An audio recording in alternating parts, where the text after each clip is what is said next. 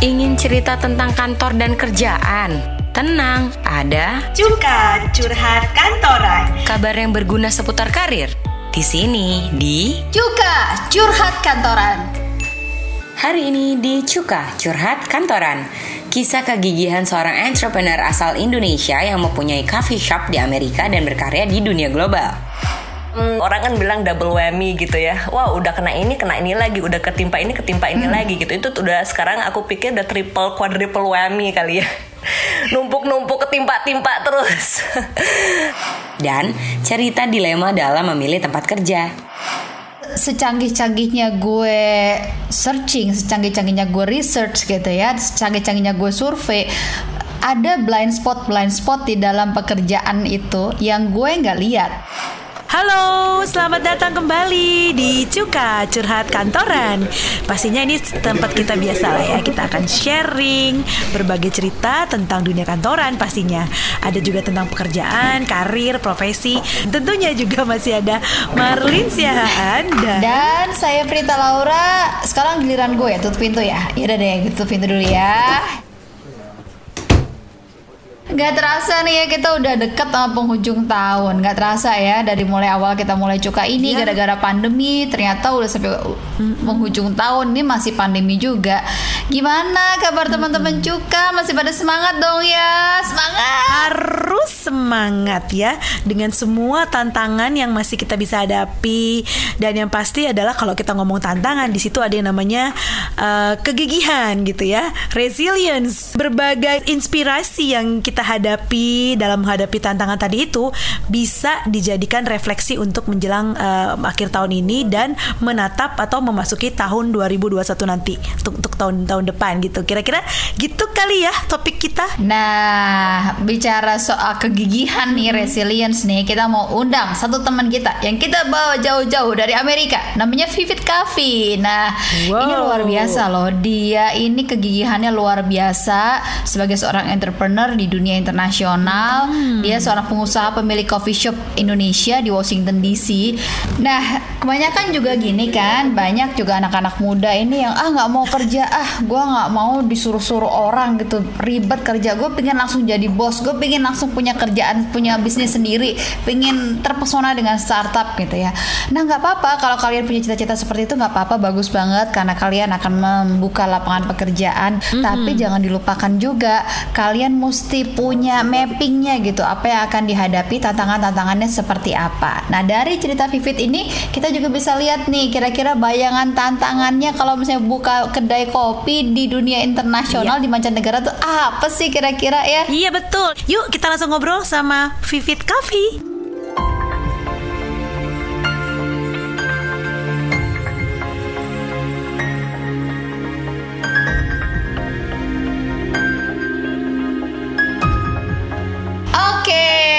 Sekarang kita sudah bersama dengan Vivit Cafe yang ada di Amerika ya, di DC ya sekarang ya Vivit ya. iya, di Washington DC kita pas bedanya 12 jam. Apa kabar Vivit? Alhamdulillah sehat. Eh, udah mulai merasa aku merindukan jamu-jamu Indonesia karena angin sekali di sini. Iya ya, masuk winter ya di sana ya. Oh, oh, oh, oh. Aduh, kita langsung ngobrol-ngobrol aja nih nanya-nanya langsung ya Fit ya.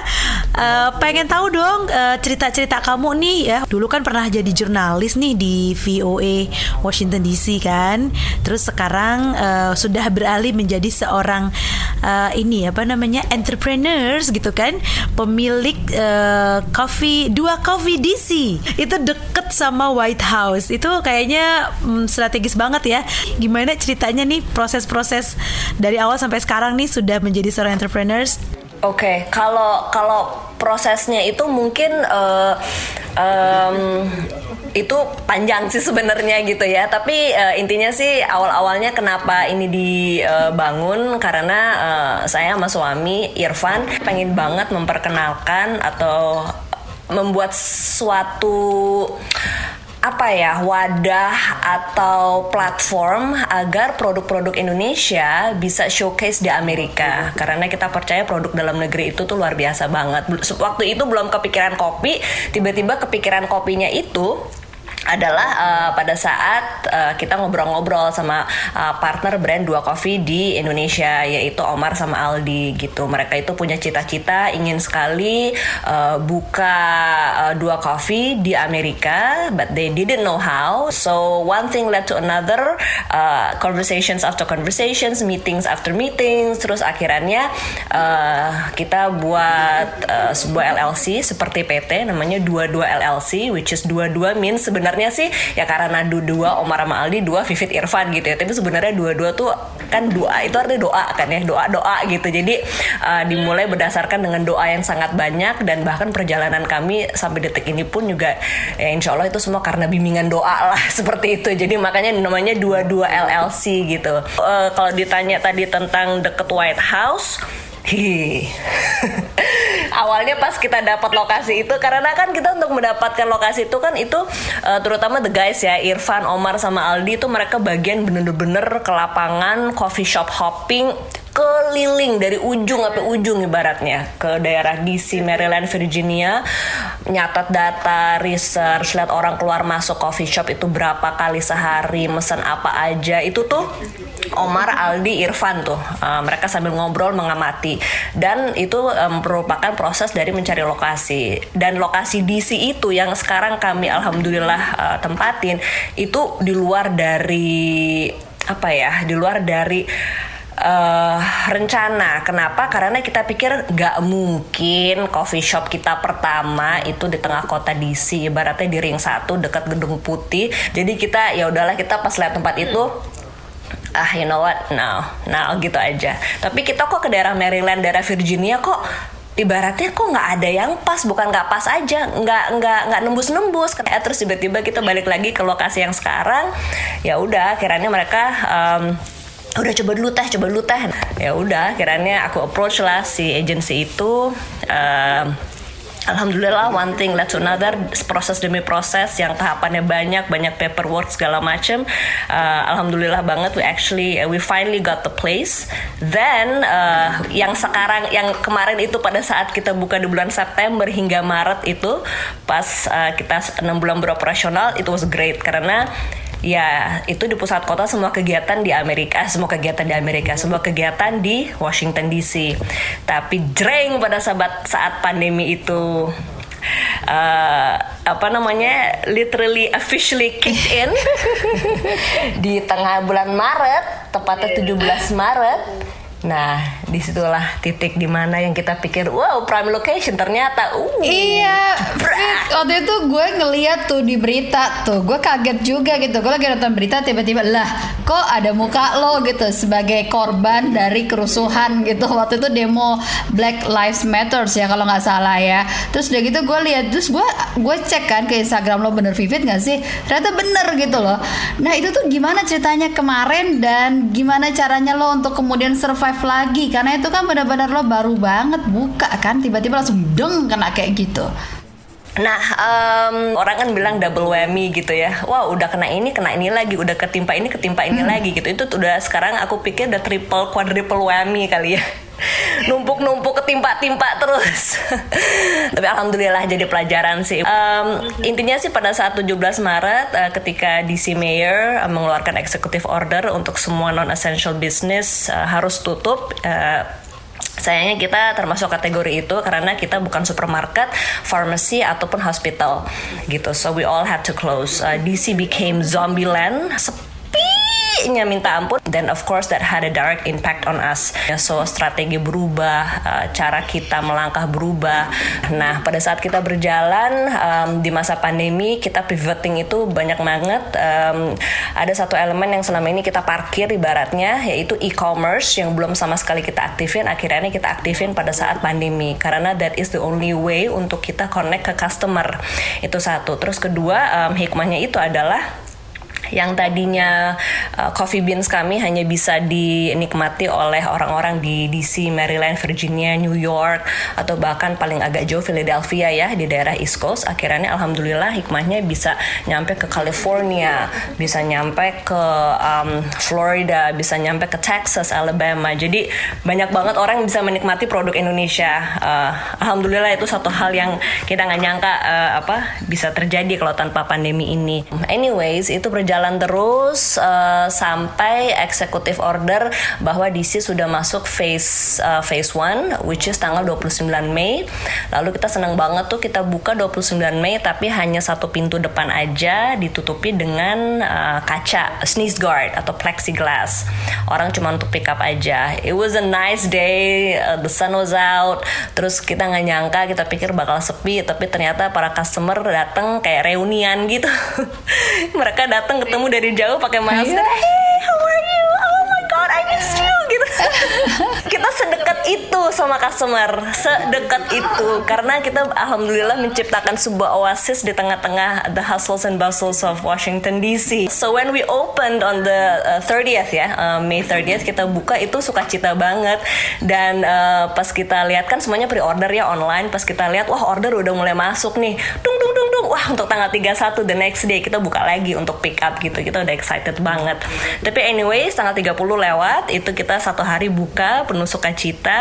Lalu setelah itu uh, kita pulang istirahat uh, because it was a very long day. Pas sampai rumah langsung tidur nggak ngeliat apa-apa tuh. We didn't see anything, no news, nothing karena capek banget. Mm -hmm. Kita istirahat lalu pas azan subuh uh, biasa kita bangun terus tiba-tiba kita lihat handphone itu udah ada deretan miss call banyak hmm. banget terus ada yang kirim-kirim video ternyata hikmahnya juga punya partner di Indonesia uh -uh. yang beda 12 jam mereka memantau dan melek gitu kan uh -uh. kita deg-degan langsung ada apaan nih pas kita buka salah satu partner kami mengirimkan uh. video di mana uh -uh. kameramennya itu live nge-shoot, ngesorot depan kaca kita dengan logo dua tapi one glass panel was missing. Runtuh hmm. pecah hancur. Itu gimana rasanya kamu ngeliat itu tuh fit? Kalau rasanya apa ya?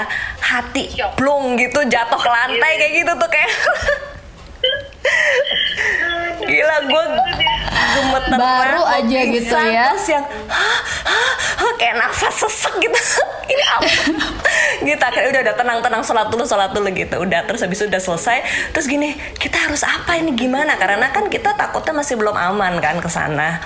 Yeah. gitu yeah. karena kan there were oh my goodness there was fire there was you know stones and rocks thrown here and there gitu. Jadi kita masih gemeteran dan we didn't know what to do gitu. Tapi akhirnya kita lihat berita uh, dikatakan kondisi udah kondusif. Kita juga ada CCTV bisa ngeliat sedikit bahwa oh apa namanya uh, ini uh, apa uh, udah nggak ada lagi uh, si kerusuhannya terus sudah aman karena udah jam 7 pagi. Udah akhirnya kita ke sana, kita ke uh, apa ke toko. Nah, pas ke toko itu itu deg-degan campur aduk. Um, kita jalan kayak melalui sebuah kota yang nggak kita kenali hmm. sebelumnya. Padahal kita setiap hari ke sana. Hmm. kenapa? Karena uh, kanan kiri hmm. itu hancur. Aku jalan jalan jalan pelan pelan terus pas deket kaca terus uh, kaca kita terus aku gini wait oke okay, kaca kita hancur kelihatan dari jauh gitu ya berarakan gitu. Tapi kok ada glare um, like a window glare. Kayak ada reflection sedikit uh, kalau ada kaca mantul gitulah. Kita pikir kan itu bolong kan karena itu kaca runtuh pecah kan. Kita pelan pelan pelan terus tangan aku tuh aku sentuhin dek Oh my god, ada layar keduanya, kaca kita nggak pecah. Oh, jadi ini ya apa dua lapis gitu Double gitu kali ya. Layer. Oh, Irfan, alhamdulillah, alhamdulillah, alhamdulillah. Jadi itu benar dilindungin. Jadi itu ada ternyata kaca kita itu standarnya semua kaca retail itu double layered. Oh, Jadi layer bagus ya. layer yang di dalam itu masih berdiri kokoh tapi yang di luar itu hancur seancur hancurnya dan double layer itu nggak kelihatan karena dia rapat banget we don't even know that was double layer tapi ternyata for safety was double Thanks layer God ya, Tuhan lindungin ya. Aduh. Masih ada rasa syukur gini di balik di balik kekhawatiran yang sedemikian rupa ya. Eh, kalau dengar cerita lo tadi kan, lo tuh kayaknya gigih banget gitu loh Fit. Apa sih sebenarnya eh, dari mana sih asalnya datang si kegigihannya seorang Vivit? Iya intinya adalah pada saat kita uh, kegigihannya kenapa karena ibaratnya nggak ada pintu yang tertutup buat kita. Kita coba uh, botolan eh ada jalannya meskipun belum banyak. Kita coba ke supermarket eh masuk meskipun supermarketnya masih kecil gitu ya. Terus habis itu kita coba ke e-commerce eh ada yang menyambut. Kita coba door to door eh ada yang menyambut. Kita coba pop up store kita juga pop up di uh, apa uh, di Virginia. Terus nanti juga mau pop up di daerah Maryland eh ada yang menyambut gitu. Jadi uh, intinya adalah gigih dalam mencari alternatif dan pada saat pintu alternatif itu semuanya kebuka jalanin satu persatu. Memang akan overwhelm tapi we just have to uh, be able to focus dan time management. Dan apalagi ini tantangannya banyak banget. Focus dan time management. Dan apalagi ini tantangannya banyak banget. Seperti tadi aku bilang ya kelulu double triple quadruple whammy. Kenapa? Karena waktu elections kita harus tutup. Terus habis itu pas pada saat ada million mega march presiden yang sekarang harus tutup. Terus sekarang belum lagi tantangan uh, dua kubu yang satu kubu tidak percaya menggunakan masker. Nah itu tuh juga kita tantangan tuh orang masuk tidak pakai masker gitu ya. Itu juga bagaimana kita berkomunikasi dan membuat mereka tetap merasa nyaman. Kita hargai sebagai customer tapi tetap mereka mengikuti protokol kesehatan. Aduh berbagai macam lah kita ketemu dengan orang-orang yang dan unik pesan buat teman-teman yang ingin punya karir di dunia global, terus kemudian pingin masuk di entrepreneur di dunia global juga gitu. Oke, intinya sekarang ini kesempatan atau pintu untuk um, go global itu sangat amat terbuka. Kenapa? Karena platform virtual yang sudah menjadi the new normal, yang sudah menjadi bagian dari kehidupan kita dan mungkin tidak akan lepas ya, akan seterusnya yang namanya platform virtual ini. Nah, um, dengan seperti uh, yang tadi saya sampaikan, platform virtual it has endless boundaries. Bahkan bisa dibilang it has no boundaries. Because you can reach anyone that lives literally anywhere in this globe gitu ya. Literally anywhere in this world. Jadi jika teman-teman mempunyai cita-cita ingin uh, go global ini adalah pandemi ini adalah saatnya untuk investasi. Investasi uh, untuk berkoneksi. Jadi apa ingin menjadi uh, seorang ahli engineer gitu ya go to LinkedIn search for the best engineer in the US langsung aja aim high pengen belajar tentang um, medics gitu ya search for the best professor Oke. in California Yeah. search for the best cari Yeah. orangnya siapa reach out to them email jelasin interest kita. Nah kuncinya di situ. You have to um, be able to express your passion. Karena uh, orang-orang di sini apa misalkan orang-orang yang sudah mempunyai posisi ter- tertentu pada saat mereka membaca sebuah email seseorang yang benar-benar mempunyai passion tertentu dan gigih dan ingin berusaha ingin berjuang mereka akan appreciate itu Eh, dan niatnya jangan lupa niat di ujungnya. Kita kira akhirannya niat ujungnya adalah untuk bermanfaat yang lain. Akhirnya kita udah dapat nih opportunity-nya. Kita niatnya itu ditanamkan akan itu menjadi penyemangat terus Thank you, Vivi. Thank you banget, thank you banget. Semoga ya teman-teman juga dapat banget ya dari pesannya di Amin. sini. Thank Thank you you. banget. Mudah-mudahan suatu hari kita bisa ketemu setelah pandemi lewat ya dan kita bisa ngopi iya di tempat nih, kamu. aduh pengen banget deh ngopi di sana. Oke Vivit, bye. bye Nah, selesai sudah pembahasan kita. Semoga termotivasi ya. Kalau nggak ke- termotivasi sih, kebangetan banget sih orang gua aja termotivasi ya, Yud ya. Resilience-nya luar biasa banget dari Vivi tuh Iya. dan resilience itu eh, merupakan bagian dari kita menghadapi drama kantoran. Drakor kita hari ini ya. Yuk kita bacain langsung aja drakor kita kali ini. Oke. Dear Kak Prita dan Kak Marlin, aku sedang lamar-lamar kerja ke beberapa perusahaan. Udah ada yang sempat interview juga. Minggu ini aku dinyatakan diterima di dua perusahaan sekaligus. Aku harus pilih salah satu, tapi aku bingung mau pilih yang mana ya apa aja ya kak yang harus aku pertimbangin untuk bisa memilih mohon pencerahannya kak nah gimana tuh Marlin tuh pengalamannya tuh Pertama-tama kita ucapkan selamat ya. Wow, hebat banget sih. iya orang-orang dapat susah cari kerja dua. kamu langsung dapet dua loh luar eh, biasa loh, dua perusahaan yang terima dia itu kayak luar biasa banget ini ya kan. Jadi eh, good problem gitu loh. Soalnya memilih kan, bukan yang eh, problem susah yang kayak nggak dapat kerja gitu. Nah, tapi memang memilih itu juga bukan sesuatu hal yang mudah gitu kan. Kalau dari sisi aku sih biasanya eh, aku akan melakukan yang beberapa survei dulu terhadap dua perusahaan itu. Yang mana yang mungkin akan eh, membawa perkembangan diriku menjadi lebih baik ketika aku bekerja di perusahaan itu. Kalau misalnya dua-duanya eh, ternyata memang eh, akan membangun karir yang baik buat kamu di situ karena pekerjaannya kamu suka juga, berarti adalah melihat opportunity yang ke- eh, kedua yaitu perusahaan mana di antara dua itu yang akan lebih berkembang gitu. Kayak misalnya gini, yang satu let's say misalnya perusahaannya itu adalah perusahaan teknologi. Terus yang satunya lagi adalah perusahaan eh, FMCG misalnya ya gitu. Nah, kamu ngeliatnya yang mana nih? Kalau aku akan melihat bahwa perusahaan teknologi mungkin akan lebih lebih berkembang saat ini gitu kan. Eh, misalkan e-commerce gitu itu kan akan lebih lebih lebih banyak eh, opportunity-nya untuk kita bisa berkembang di situ karena industrinya juga lagi berkembang gitu. Jadi itu juga menjadi salah satu point of my research juga. Terus aku melihat bahwa oke perusahaan ini ke depannya bakal kayak gimana. Jadi karir gue juga mungkin di situ bisa akan bertumbuh bersama dengan pertumbuhan si perusahaan itu juga kan gitu. Terus eh, mungkin kalau gaji kali ya, tapi kalau gaji sih kalau misalnya gajinya sama-sama oke ya udah tinggal milih yang opportunity kedua tadi gitu kan. Tapi kalau misalnya gajinya satu lebih besar atau lebih kecil ya tinggal kamu aja. Kamu prefer apa gitu dari sisi keuangan kamu mana yang apakah itu perlu dicukupi dengan gaji yang besar tapi pekerjaan ini juga kamu suka ya that's a good things kan gitu. Gitu sih. Tapi mungkin Prita bisa menambahkan dari sisi yang lain. Kalau aku melakukan kurang lebih sama dengan Iyut ya, survei dulu, terus kemudian lihat apakah perusahaan itu sejalan dengan rencana hidupku, gitu ya. Nah, tapi yang paling penting gue lakuin adalah gue berdoa sih.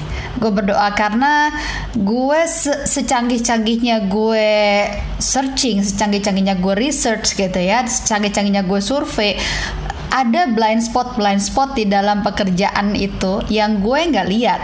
Yang bisa ngelihat blind spot itu cuma Tuhan gitu. Makanya gue akan tanya dia gue akan tanya Tuhan gimana ya? Tuhan yang ngelihat semua blind spot yang gue nggak bisa lihat tolong Tuhan kasih tahu which one the best. Mana yang tepat buat aku mana blind spot blind spot yang aku akan bisa handle di sana gitu. Jadi ujung-ujungnya sih dari semua pertimbangan logika gue akan doa lagi sih ujung-ujungnya sih gitu. Betul. termasuk juga dalam Jadi- memilih pasangan ya itu banyak blind spotnya kita harus doakan juga hanya Tuhan Iya, yang tahu. Terima kasih sudah curhat di eh, Cuka ya. Semoga yang kita jawab itu bisa menjawab ya kegelisahan kamu untuk membuat pilihan-pilihan yang tepat. Tapi kalau anda kata bikin pilihan salah ya nggak apa-apa kok namanya manusia juga bisa salah kok. Nanti lanjut lagi gitu cari kerjaan lain yang bener gitu. Nggak apa-apa nggak usah. Nggak usah takut salah tenang aja Yang penting jangan nyerah intinya gitu kan ya. Dan demikianlah pembahasan kita tadi di Cuka hari ini curhat kantoran. Semoga bermanfaat buat teman-teman semua dan jangan lupa kalau mau eh, memberikan curhat-curhat kamu ke email kita ya ke curhatkantoran at gmail.com DM kita juga bisa di eh, curhat kantoran di IG account kita ya. Oke, Marlin Sihaan. Dan saya Prita Laura, terima kasih. Kita berdua pamit ya. See you Yeay. next episode. Bye-bye. Bye. Bye.